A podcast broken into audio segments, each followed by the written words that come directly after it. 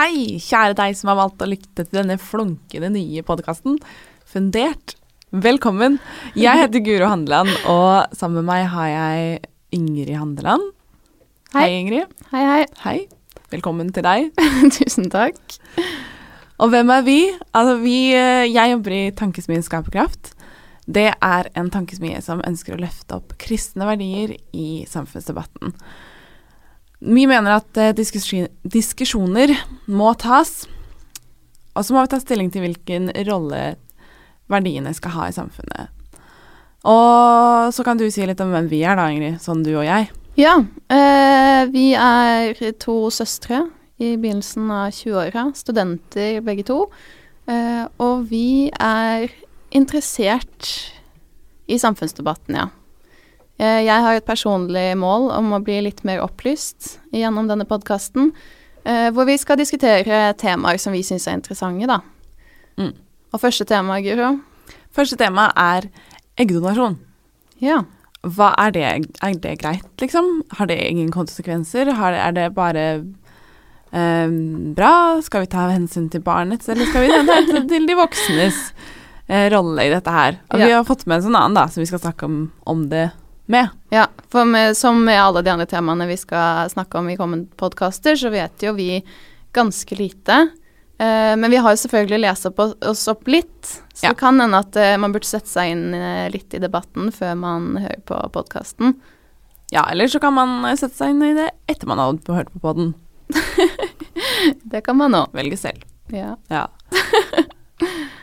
Så hvorfor skal vi diskutere akkurat eggdonasjon, da? Det er vel eh, mest av alt fordi Høyre nettopp har tatt en avgjørelse om at de sier ja til eggdonasjon.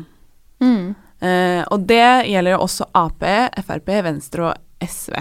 Mm. Så de fleste partiene som sitter på Stortinget nå, sier ja til eggdonasjon. Mm.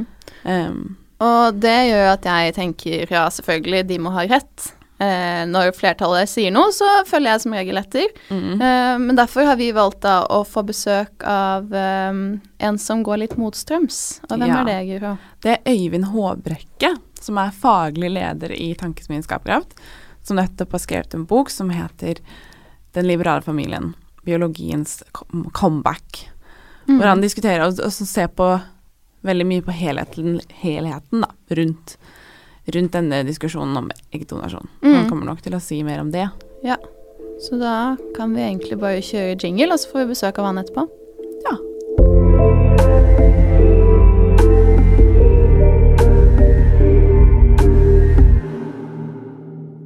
Velkommen, Øyvind. Vi har jo invitert deg hit i dag fordi du har skrevet boka 'Den liberale familien'. Eh, 'Biologiens comeback' som undertittel. Stemmer. Eh, så vi lurer litt på hvorfor har du valgt å skrive denne boka? Jeg skrev den fordi at eh, jeg satt eh, for en del år tilbake, så satt jeg fra 2009, da satt jeg fire år på Stortinget, Mm. familiekomiteen. Og da så jeg at eh, det er veldig mange store spørsmål som er til diskusjon for Mhm. tida, om barn og foreldreskap, om morskap, om farskap, og hva er en unge, og hvordan, eh, hvem er det vi henger sammen med, og hvordan skal vi ha lovverket på så veldig sentrale ting. Mm. Så diskuterer man ett og ett spørsmål enkeltvis, og jeg vil ha en større, bredere diskusjon om hva vil vi som samfunn med barn og foreldreskap, lovverket rundt det, og hva tenker vi om familien. Ja, Skjønner. Eh, og tittelen 'Den liberale familien', biologiens comeback. Kan du si litt kort om hvorfor du valgte det som tittel? Ja, i våres, den vestlige tradisjonen da, med de vestlige demokratiene som vi lever i tradisjonen av, så eh, kaller vi jo vår samfunnsmodell for et liberalt demokrati.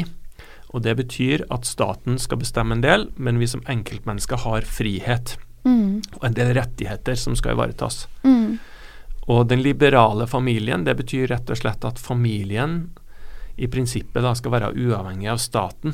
Mm. Gjennom at hvem som er mammaen din, pappaen din, og, og at det at vi danner familier, det er noe måte vi, vi steller med sjøl. Mm. Og så er det på en måte det er ikke staten som oppretter familiene og bestemmer familiene, men eh, det, det, det er på en måte en del av vårt frie liv som enkeltmennesker.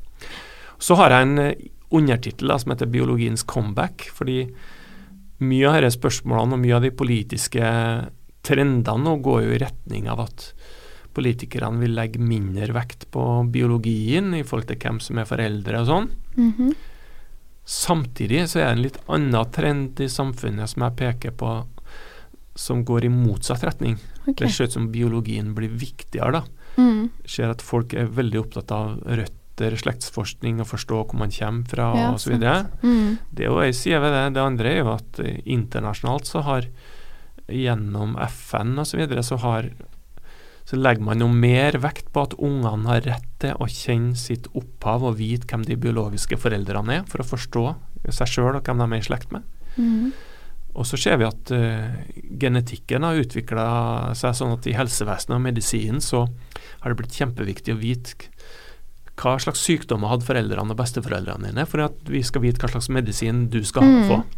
Så på mange områder så blir biologien stadig viktigere, eh, og derfor så lurer jeg på om sjøl om det er mange vedtak i retning av at det biologiske foreldreskapet skal bli mindre, da, og en del politikere legger mindre vekt på det, så tror jeg kanskje at det kommer en bølge som slår motsatt vei. da. Biologien Mm. blir enda viktigere. For som vi nevnte innledningsvis, så er det jo Har det blitt vedtatt at, Norge, at Høyre vil si ja for eggdonasjon. Men hva mener du da personlig? Du sier jo selv at du vil ha en mer helhetlig debatt, men vi Mm. lurer jo selvfølgelig på allikevel. Hva mener du er problematisk med eggdonasjon? Sånn mest av alt. Ja, det, for det handler jo om eh, morskap. Det Mm. gjør, no, gjør jo noe med morskapet. Da tenker jeg, da må vi diskutere hva vil vi med Hva mener vi om morskap? Mm. Eh, for det, det er et veldig godt eksempel av den diskusjonen om eggdonasjon, på det jeg sa i sted. Fordi et av de viktigste argumentene for uh, eggdonasjon, og det argumentet vi kanskje hører mest, det er at, eh, at vi må likestille kvinner og menn fordi vi har tillatt sæddonasjon. Og det betyr altså at, eh, at menn som har et problem med sine, sine sædceller, da kan det paret få hjelp på sykehuset til å Mm. få unger. Mens hvis det er kvinner som har det problemet med sine egg, Mm. så kan man ikke få hjelp. Mm. Og da har det viktigste argumentet for eggdonasjon vært at ja, men siden de parene kan få hjelp, men ikke de andre parene som har problemer med eggene, da er det da er ikke rettferdig. Mm. Og da tenker jeg ja, men er- handler det bare om rettferdighet? Det handler vel om hva, hva slags rettigheter har barnet, hva, hvordan ser vi på morskapet, hvordan ser vi på farskapet. Mm. Og derfor, derfor uh, har, tenker jeg at det ble en, ble en veldig snever debatt om likestilling, istedenfor at man diskuterer har barnet krav på å vokse opp sammen med sin uh, genetiske mor. Mm. Uh, er det riktig at ei kvinne kan gi bort et egg og så signere på et skjema at hun trenger ikke å ha noen plikter overfor den ungen? Sånne veldig grunnleggende spørsmål syns jeg mangla i den diskusjonen. da. Så det du sier på en måte er at det ble feil å bare stille spørsmålet hva er problematisk med eggdonasjon, men, men hva, hva er helheten dersom vi tillater eggdonasjon? Ja, for Ja. både, både sæddonasjon og eggdonasjon de forutsetter at ungen får en annen forelder enn den genetiske forelderen da, som har gitt bort uh, de sædcellene eller gikk bort det egget. Mm. Eh, og vi har egentlig aldri, i hvert fall i, i min levetid, tror jeg, tatt en ordentlig diskusjon i Norge på er det greit, og er det Får barnet oppfylt sine rettigheter når vi sier at det er greit? Mm. Og isteden så har diskusjonen blitt ja, men siden vi har godtatt det, så må vi jo godta det. ikke sant? Mm. Så det blir en sånn Har du sagt A, så må du si B. Men var det riktig å si A? Det har vi egentlig aldri diskutert ordentlig. Og jeg Mm. tenker jo at eh, vi ser jo så mange tilfeller på at det blir viktig for enten for unger eller kanskje for voksne å finne ut av hvem er det jeg er, hvem er det jeg ligner på, hvem er det som er mammaen min eller pappaen min eller tanta mi og besteforeldrene mine, og hvem er det jeg egentlig kommer fra, og hvorfor Mm. jeg har blitt sånn som jeg er.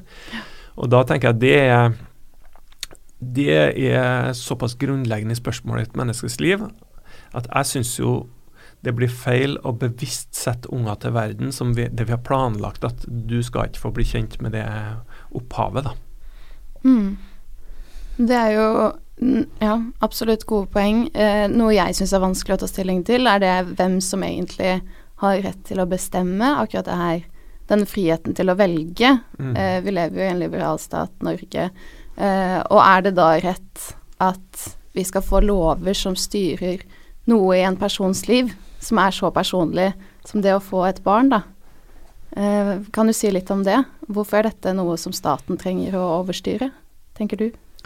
Ja, for det er jo et, et, av de andre argumentene som har vært veldig mye fram i debatten. da. Mm. Det som du peker på der, at eggene mine må jo jeg få bestemme over. Staten mm. kan ikke komme inn og liksom forby meg å gi bort eh, mm. mine egg hvis jeg har lyst til det.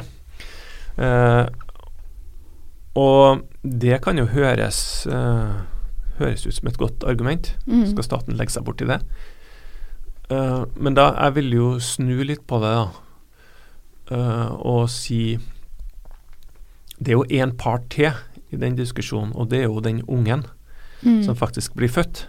Mm. og ved eggdonasjon og sæddonasjon så fungerer det sånn da at da sier staten at det er ikke den eh, genetiske mora di da, som har gitt bort egget. Det er ikke hun som er mora di, men det er ei anna mor, gjerne hun som har født deg, da, som er mora. Mm. Og ved sæddonasjon så sier man at det er ikke han som har gitt deg den mannen som har gitt deg livet, det er ikke han som er far, men det er en annen far. Mm. Og da er jo spørsmålet har staten på en måte rett til å være med og planlegge at unger skal bli født på den måten, og lage en lov som sier at uh, det er ikke faren din som er faren din, ikke mora di som er mora di. Uh, eller å bestemme hvem som er mora og faren din, på tvers av hvem du egentlig er i slekt med. Sånn at uh, jeg vil jo si at jeg vil jo si at ungen må være med i den diskusjonen om valgfrihet. da. Og spørsmålet om ungen har har ungen noe rett til å velge? Har ungen like stor krav på valgfrihet som meg og deg som voksne personer? Mm. Men ungen har jo uansett ikke Om det så er genetisk foreldre, biologiske foreldre eller et adoptert barn, da, så har mm. jo barnet uansett ikke noe du skulle sagt når det kommer til verden. Nei, um. uh, det har ikke jeg, men ungene har rettigheter, for de, er, mm. de, har like rettigheter som meg og deg som voksne. Mm. Og i FNs barnekonvensjon så står det jo at ungene har rett til å kjenne sine foreldre mm. og få omsorg fra dem mm. så langt som mulig. Og da eh, betyr jo det at hvis vi hvis vi eh, lager de systemene med sæddonasjon og eggdonasjon, så legger vi opp til at de ungene ikke får den retten. Eh, og da tenker jeg da har vi jo Men da har vi jo gått litt utover våre rettigheter, da, tenker jeg, når vi Altså det gått utover det vi har rett til på vegne av ungen, da. Og når vi bestemmer at det ikke er viktig for ungen. Uh, så jeg tenker det er et slags overtramp. Men et annet, et annet moment, da, når du snakker om det med frihet og sånn, er jo hva er liksom statens rolle Eh, for Noen vil si at det er litt for strengt for staten å forby at du skal gi bort eggene dine, eller at jeg skal gi bort mine arveanlegg. Mm. Og det er på en måte et slags inngrep. Men uh, det staten gjør i de tilfellene, når det faktisk skjer, mm. det er jo at staten går inn og, og bestemmer på barnets vegne hvem som er foreldrene. Og det, det, er ikke så mange som er klar over det, men vanligvis så gjør jo ikke staten det. Fordi i dag har vi en barnelov som bestemmer hvem er foreldrene dine. Mm. Men den barneloven er sånn at den går egentlig ikke inn og oppretter og sier at ja, men du er mamma, du er pappa. De går, den barneloven er laga sånn at den bare konstaterer hvem som er din uh, biologiske Eller mor fra naturens side og far fra naturens side. Så, staten, så langt så har staten liksom holdt fingrene litt unna det med foreldreskapet og bestemt hvem som er foreldre til et barn. Man bare konstaterer at uh, jo, DNA-et kommer fra den mannen der, og den kvinna der er både eggdonor og den som har født det. Da er det greit. Da fastsetter bare staten at det er for mammaen og pappaen din. Mm. Så så langt så har vi hatt en stat som har holdt seg litt unna å bestemme om familie, og hvem som er din familie. Det har staten på en måte sagt vi har ikke noe rett til å blande oss bort i det. Mm. Og det endrer seg med eggdonasjon og sæddonasjon. Og Derfor så tenker jeg at eh, På hvilken sånn, måte endrer det seg? Det endrer seg ved at staten da må bestemme en annen far enn den som har satt deg til verden, så blir det på en måte staten som oppretter den forbindelsen mellom deg og faren Mm. din, eller mellom deg og mora di. For det er plutselig to mødre, så må staten gå inn og bestemme hvem av dem er mora di egentlig. Ja. Og da har vi plutselig fått en stat som bestemmer mye mer over enkeltmennesker enn vi har hatt før. Som bestemmer over det viktigste i livet, nemlig hvem du er i familie med, hvem du er i slekt med, og hvem du ikke har rett til å ha den samme kontakt med. Mm. Så derfor er den staten som øh, driver og på å si, deler ut eggceller og sædceller og åpner for eggdonasjon, sæddonasjon og surrogati og sånn, det er egentlig en stat som begrenser friheten vår mye mer enn en stat som tillater det.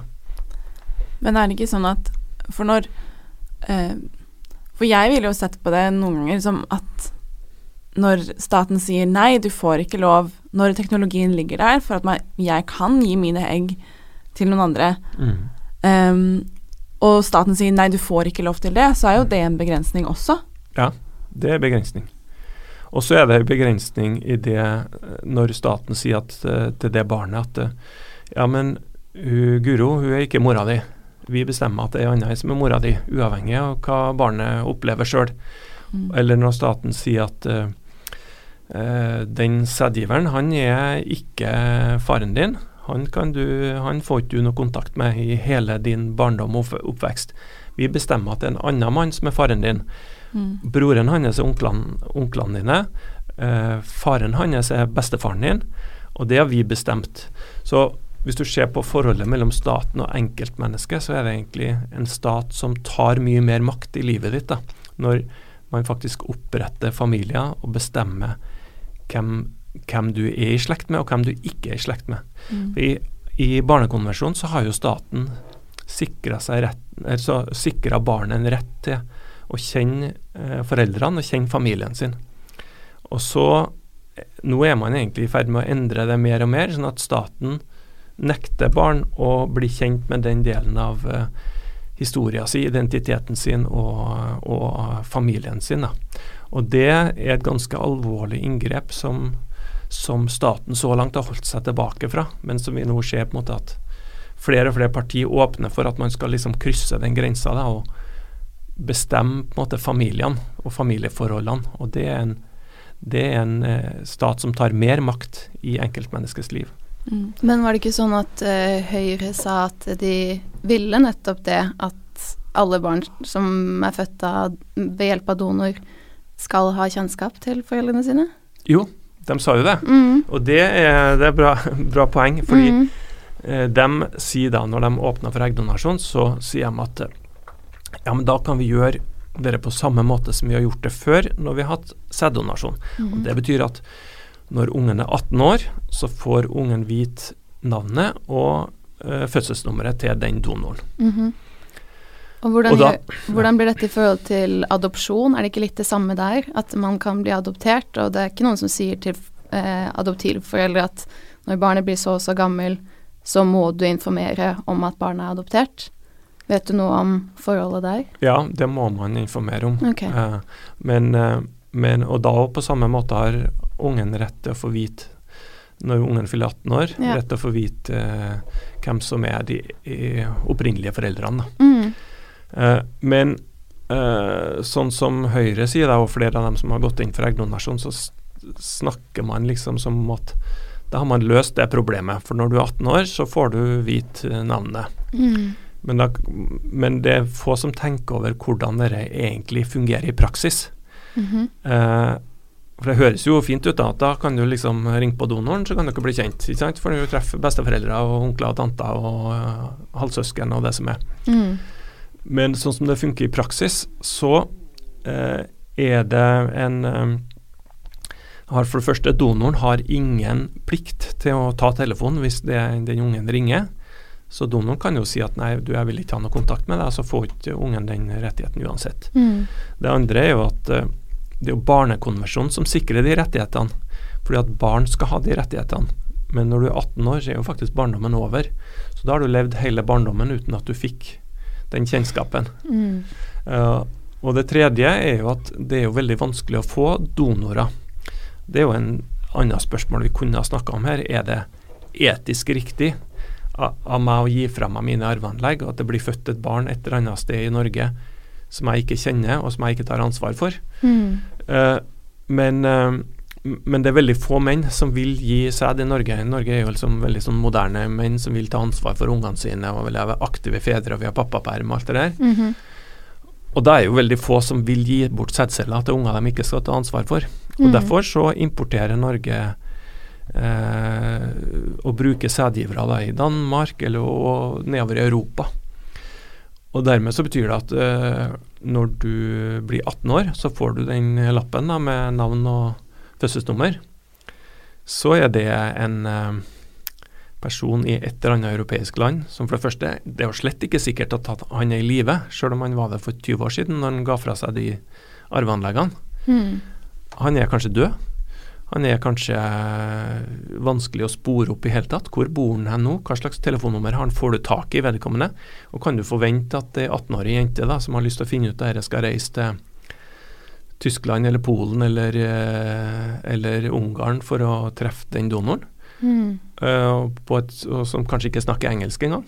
Mm. Det er på en måte lag, det er et sånn Ja, du har en rettighet på papiret, men eh, ungene sine rettigheter blir på en måte ikke veldig godt ivaretatt. Og ungenes muligheter til å forstå hvem de er, hvem de ligner på, hvor de kommer fra, er litt sånn, ja Veldig dårlig behandla i den prosessen her. Sånn Mhm. at jeg veldig stor forståelse for voksne som ønsker seg unger. Hvis du ikke klarer å få unger og det er et eller annet feil og sånn, det er en kjempestor smerte.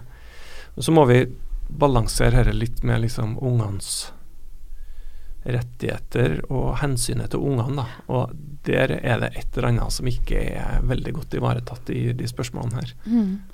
Men hva med For jeg trekker litt sånn paralleller, og det jeg eh, Jeg tenker sånn, jeg er enig i at, at folk som ikke kan få barn, at det er en stor sorg. Jeg, jeg, forstår det ikke, men jeg har lyst til å forstå det.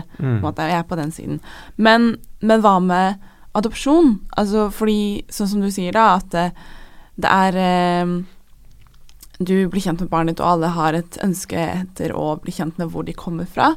Eh, men adopsjon er på en måte samme em, Det har samme Eller jeg ser likhetstrekk da mellom det å være et barn som er skapt av eggdonasjon og sæddonasjon, som ikke vet hvor sine sitt genetiske opphav, og en som er adoptert som heller ikke vet sitt genetiske opphav, men Mm. har da foreldre som er adoptivforeldrene sine. Mm.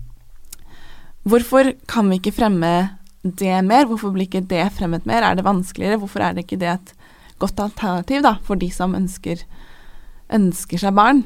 Mm. Det handler jo om et veldig personlig valg, tenker jeg. Ja.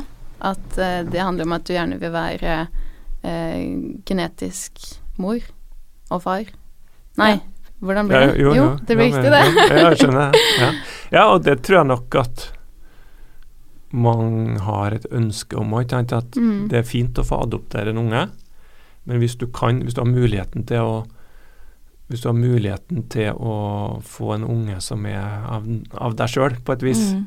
og, og din egen biologiske, genetiske unge, så er jo det noe veldig mange drømmer om og ønsker, og vil foretrekke det hvis de får valget, tenker jeg. Mm. Men samtidig så kan man jo da snu på det og si at eh, hvis det er et så sterkt behov hos den voksne, kan vi da si at det ikke er viktig for ungen å kjenne sine foreldre, og at ungen liksom kanskje har det samme ønsket om at å kjenne sine foreldre, da, akkurat som foreldrene vil ønske at det er mitt genetiske barn. Mm. Så det blir litt feil hvis vi legger veldig, av hensyn til de voksne legger veldig stor vekt på akkurat det, Mm. mens vi sier at nei, for ungen er ikke så farlig. Mm. Det, og det hører man ofte litt igjen i debatten, at man tenker litt sånn, og det blir jo eh, litt paradoks. At det blir en diskusjon mellom barnets rett og foreldrenes rett. Ja, og at vi, vi går veldig langt i Selv om det finnes mulighet for å bli fosterforeldre, og man kan bli adoptivforeldre osv., så, videre, så går vi veldig langt i å gi foreldrene muligheten til å få unger som de har en viss genetisk tilknytning til. Mm. For selv om du bruker eggdonasjon, så har du født ungen, og faren er genetisk far osv. Så, videre. Mm. så går vi langt i å hjelpe foreldrene med å få egne genetiske barn, Mm. mens vi samtidig sier at det er ikke så viktig for ungene at uh, de har genetisk link til foreldrene sine, for de mister jo litt av det når du bruker enten sæd eller eggdonasjon. da. Men adopsjon er jo et veldig godt alternativ. Uh, for det, jo, det, gjelder jo faktisk unger som allerede er født og trenger et nytt hjem. da. Mm. Fordi det har skjedd noe tragisk. En krise, omsorgssvikt, eller foreldrene er døde, eller Det er jo fantastisk hvis vi kan hjelpe unger som allerede finnes, og voksne som lengter etter unger og ønsker å bli foreldre, kan få hjelp de ungene. Det er jo en fantastisk match. Mm. Ja, for det syns jeg også er ganske vesentlig i diskusjonen. Det at eh, foreldre som har et kjempestort ønske om å bli, bli foreldre til et genetisk barn, eh, som er sitt eget, hvilken rett har vi da til å si at eh, nei, den retten skal vi ta fra deg fordi Ja, og så står det stille i mitt hode. Mm. Jeg føler ikke at jeg har autoritet til å mene noe om det, egentlig. Mm. Eh, fordi kanskje litt det at jeg ikke kan nok, først og fremst, men også det at jeg syns at det skal være et personlig valg, da, mm. for hvert enkelt par. Når det er teknologi der som gjør det mulig. Mm. Ja, og det, det Det er jo på en måte den ene sida av det. Mm. Og så, hvis du på en måte setter deg inn i politikerens sted, da, som sitter på Stortinget og skal lage de lovene, mm. så må du stille det spørsmålet. Ikke? Skal jeg mm. virkelig nekte en kvinne å gi egg som gjør at en annen kvinne kan få? Mm. Uh, og så må du da i neste omgang tenke at hvis jeg skal si ja til det, mm. så må jeg da lage en lov som sier at den ungen ikke får bli kjent med si eh, genetiske mor og tanter, onkler og besteforeldre og halvsøsken og hva det måtte være, på den sida. Eller en lov som tillater det. Kan man ja. ikke si det? Uh, ja, det, det, det, er ikke sånn det fungerer i dag da, med sæddonasjon, og det er heller ikke det man anbefaler med eggdonasjon. Da er det at en donor som du ikke kjenner, som skal gi. da. Okay. Mm. Uh, Men at man får vite det på 18-årsdagen. Ja, ja, riktig. Stemmer. Det er på en måte det. Mm. Og så er det på en måte neste skritt at du må på en måte tenke Som politiker så må man jo tenke ja, hva vil det bety i neste omgang? Mm. Betyr det at Da har vi tillatt sæddonasjon, da har vi tillatt eggdonasjon. Og så har jo nå, eh, sånn som Venstre her nå har sagt, da, ja, vi, da må vi jo kunne tillate begge deler samtidig. Nemlig mm. at en unge vokser opp uten å kjenne verken sin genetiske mor eller far, og vokser mm. opp i en familie der man ikke har noen link da, til noen av foreldrene sine mm. genetisk. Og så kommer spørsmålet om skal ikke vi da tillate at ei kvinne bærer fram en unge? At vi bruker leie surrogatmødre for å bære fram unger? Mm. Og, og, siden vi først har liksom løst opp de biologiske båndene, så har jo faktisk Venstre og Arbeiderpartiet har jo gått så langt å si at ja, men må det egentlig være to foreldre? Det kan jo like gjerne være én forelder, eller kanskje kan det være tre og fire. Mm. For hvis vi først du, Hvis du var på den politikeren, da, og så mm. har du tenkt at ok, jeg vil gjerne gi dem anledning til å gi fra seg egg og, og hjelpe ufrivillig barnløse på den måten, mm. så bestemmer jo du hvem som blir de andre foreldrene. Mm. Og da har flere og flere politikere begynt å tenke at ja, men da kan vi jo bare Hvem er det som vil bli foreldre? Ok, hvis det er tre stykker, ja vel, da må jo tre få bli, da. Hvis det er fire mm. som vil bli, så får fire bli. Det har mm. både Venstre og Arbeiderpartiet åpna for, faktisk. Og da viser det liksom hvor Det forteller litt hvor radikalt det er da når du åpner for at det er politikerne som sitter og bestemmer hvem, hva er en familie, og hvor mange foreldre trenger du, og hva slags uh, sammenheng skal du vokse ja. opp i. Men samtidig så gjør de jo ikke det, da. For det er jo opp til en selv om en har lyst til å gå inn i en konstellasjon med to foreldre, tre foreldre, mm. fire. At det, det, er jo ikke staten som sier sånn, peker på noen og sier nå skal dere bli en familie på fire. Nei, Nei. fordi de, inngått, de, inngår en slags kontrakt eller ja. avtale om det. Ja.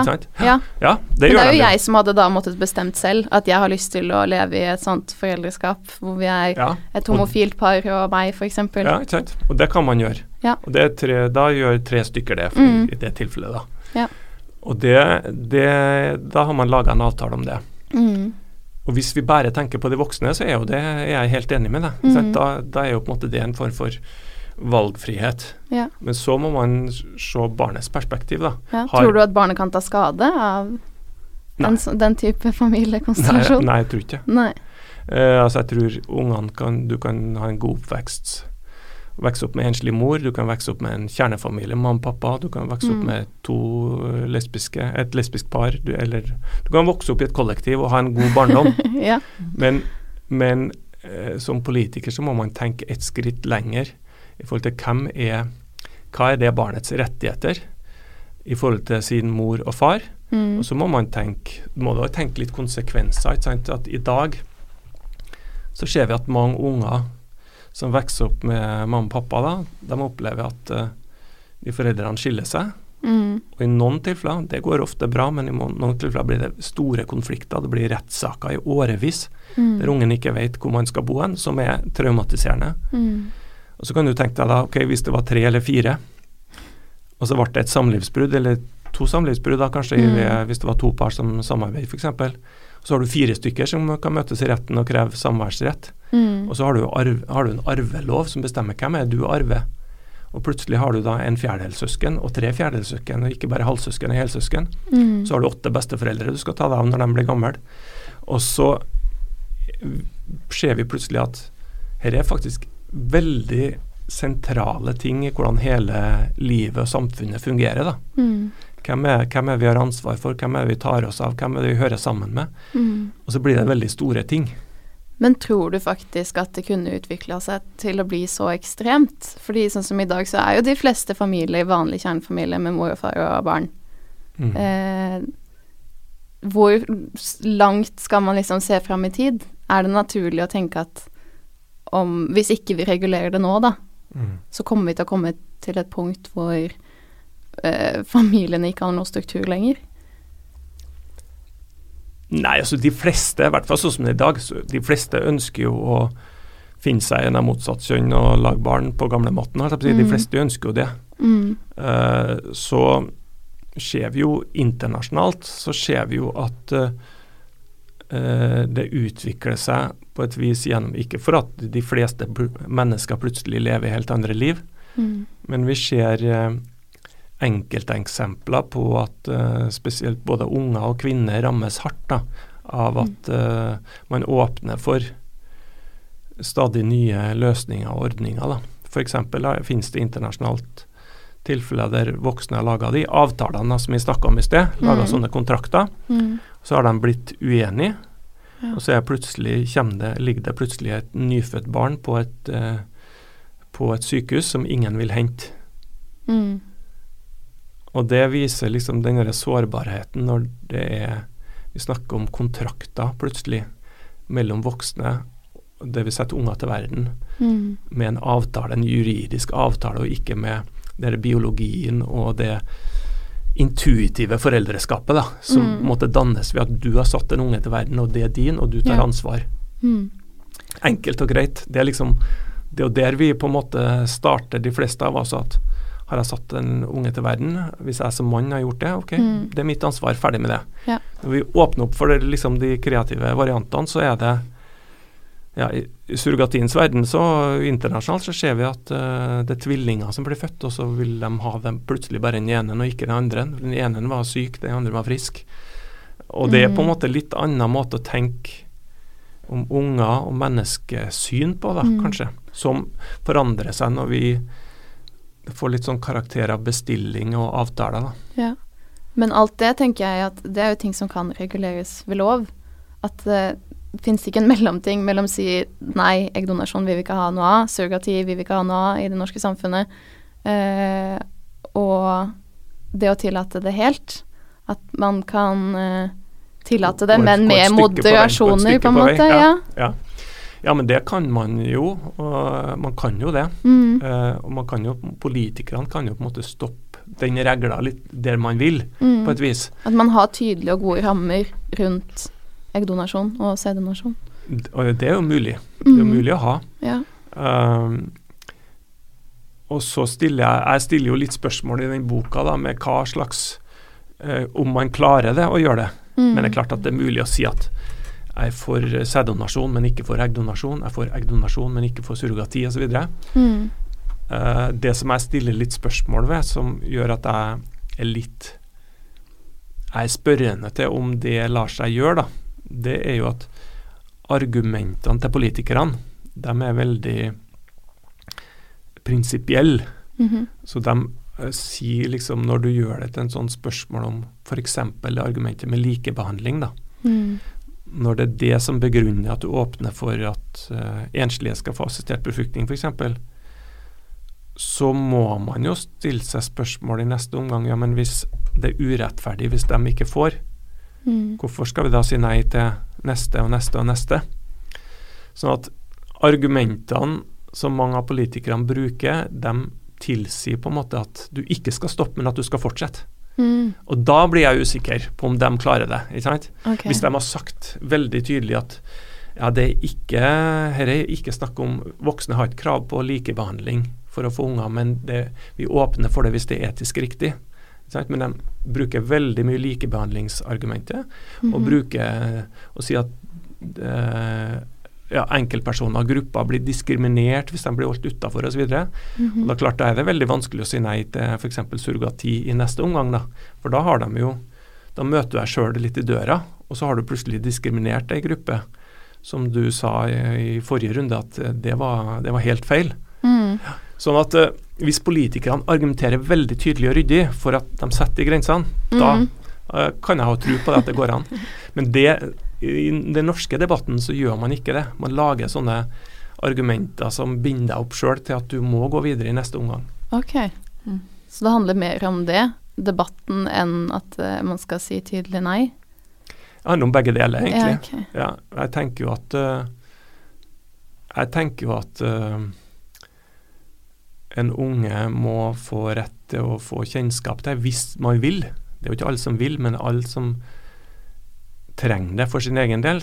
eh, Trenger å vite om identiteten sin og slekta si og forstå hvor man kommer fra. De må få lov til å vite det. Mm. Og med dagens ordninger så får man ikke det. Og så tenker jeg at eh, vi skal ja, jeg tenker heller ikke at det er rett at vi gir bort arveanlegget uten at vi å signere på et papir at mine unger blir født et sted i verden, men jeg skal ikke bry meg om dem.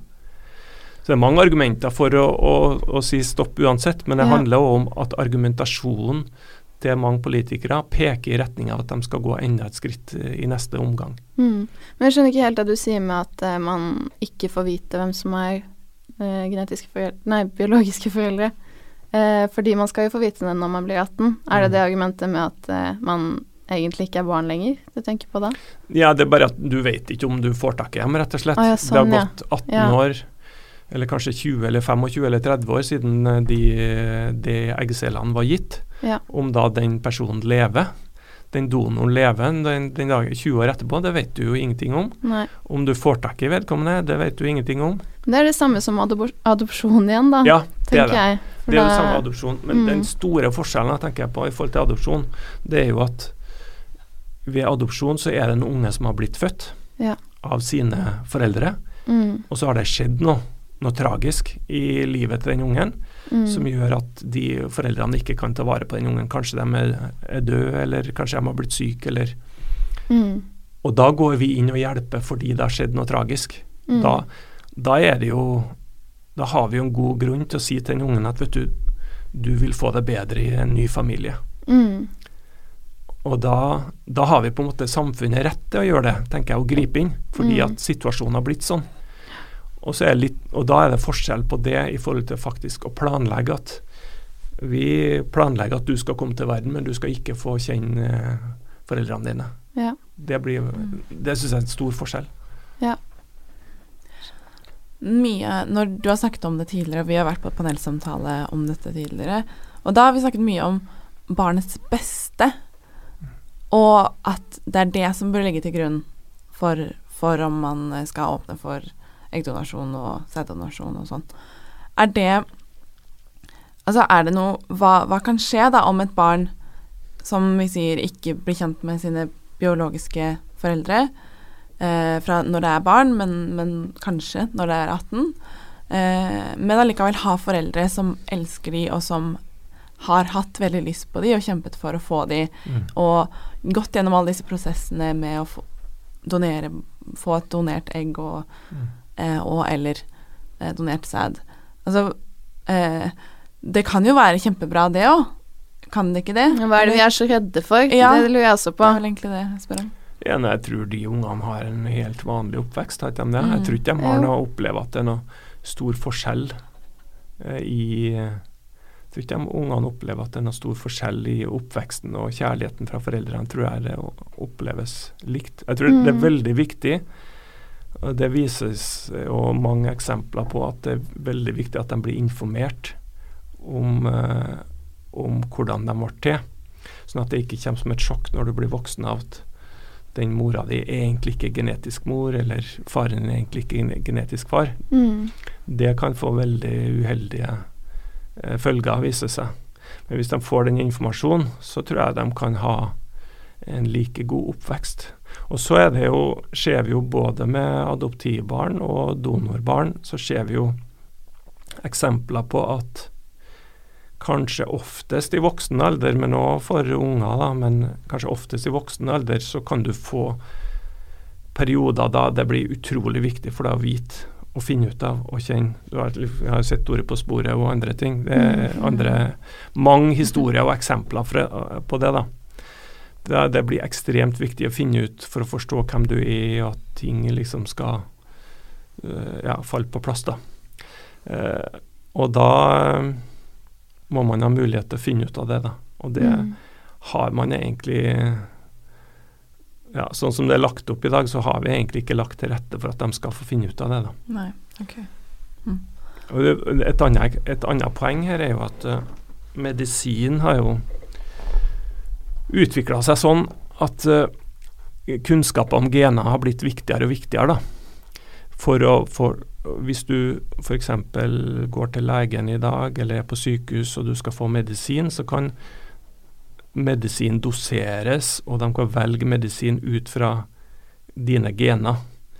Eh, og det kan ha stor betydning for hva slags kosthold man anbefaler om du skal begynne på en medisin fordi at vi vet at det har vært noe sykdom i slekta di osv. Mm. Det kan, dette kan medisin og helsevesenet mye mer om enn man gjorde for 10 år siden, for 20 år siden. Så i dag er det òg viktig for helsa di og den behandlinga du kan få på et sykehus, da, om vi vet eh, om eh, mammaen din, pappaen din, og hva slags helse og gener og arveanlegg de har. Mm. Og de mulighetene mister jo unger som vokser opp uten den kjennskapen. da. Mm. Mm. Mm. Jo også Ja. Nei, spennende. Eh, Det er jo mye jeg tenker at eh, man kan regulere. At eh, Det kanskje er litt derfor vi sitter her og diskuterer det òg. At eh, det er ting som må belyses hvis man skal si ja, og det samme hvis man sier nei. Så tenker jeg det må begrunnes veldig godt i et demokratisk samfunn. Hvis man skal si blankt nei. Når Mm. Og teknologien teknologien ligger til rette for at det er et, en mulighet da, for Mm. det. Og i dag er jo fantastiske muligheter. Mm. Og mye av de mulighetene kan jo Altså det at medisin utvikler seg, fører jo først og fremst til at vi kan hjelpe flere. Mm. Men en mulighet da som vi ser at forskerne jobber med nå, det er jo at, at uh, man kan omdanne f.eks. ei hudcelle fra kroppen din til ei eggcelle, eller til ei sædcelle. Og det betyr jo at om i framtida så kan det jo være at eh, du trenger liksom ikke en kvinne trenger ikke å finne en mann eller en sæddonor, du kan bare ta ei hudcelle fra kroppen eller gjøre om til ei sædcelle, Mm. og så får du et unge som er bare en genetisk kopi av deg sjøl. Mm. Uh, og, og da kan du plutselig ta hudceller, så kan du lage uh, uendelig antall barn, hvis du vil Ja. det. Og det viser bare hvor enorme, svære spørsmål vi får. Da kan vi lage som, hvis, vi, hvis, du er no, hvis du er fornøyd med deg sjøl, så kan du lage 1000 kopier av deg sjøl. Mm. Og det viser bare, og så kan du eventuelt betale noen for å bære dem fram. Men dette er vel ganske langt frem i tid. Ja, Utviklinga går veldig fort, men okay. klart, og i- japanske forskere lyktes med å Å. gjøre det på mus. På mus, ja. Ja. Hmm. Så Og det høres jo veldig sykt ut. Ja, det gjør det. Eh, Men det bare forteller oss om at det kan gå fortere enn vi tror, så må vi plutselig ha tatt noen valg. Hvordan tenker vi om morskap og farskap og foreldreskap, og hvordan unger skal bli til? Mm. Hva tenker vi om et menneskeverd, og hva er et menneske egentlig? Mm. Hva er et menneske verdt? Ja. Og hvis vi ikke tenker over de valgene vi gjør da, på hvordan vi forholder oss til sædceller, eggceller og morskap og farskap, og er, må en unge ha sine foreldre, eller kan man ha andre foreldre? Kan man, ha, kan man ta ei celle her og ei celle der? Mm. Hvis man ikke tar de valgene helt bevisst, Mm. så står vi litt sånn forsvarsløst da, når de enorme mulighetene og litt skremmende mulighetene plutselig viser seg. da. Så vi må Mm. ha et bevisst forhold til det. Ja. Og hvis vi har sagt at ja, men så lenge ungen får det bra, så spiller det ikke en rolle, egentlig. Mm. Da har vi egentlig sagt at ja, men da kan vi gjøre hva som helst. Mm. Og da må vi stille, ta et, et skritt tilbake, stille litt større spørsmål, og tenk, tenk lenger fram, altså. Både om hvem er som har ansvar for en unge som blir født, men ikke minst kanskje hva er egentlig et menneske? Er Et menneske påvirkes menneskesynet av at, eh, av at vi plutselig kan skrive en kontrakt og få en unge? Mm. Gjør det noe med måten jeg ser på mennesket på? Mm. Det er noe av det viktigste, at vi fortsetter å diskutere. Mm. Og jeg håper å bidra til det med den boka jeg har skrevet. og vi kan liksom ikke bare suse med på denne utviklinga og bare ta det som det kommer. Vi må stille oss noen store spørsmål, og så må, vi, Mm. og så må vi finne ut hvor vi vil hen. Absolutt. Mm. Takk, Øyvind, for at du er. Takk for at jeg fikk komme.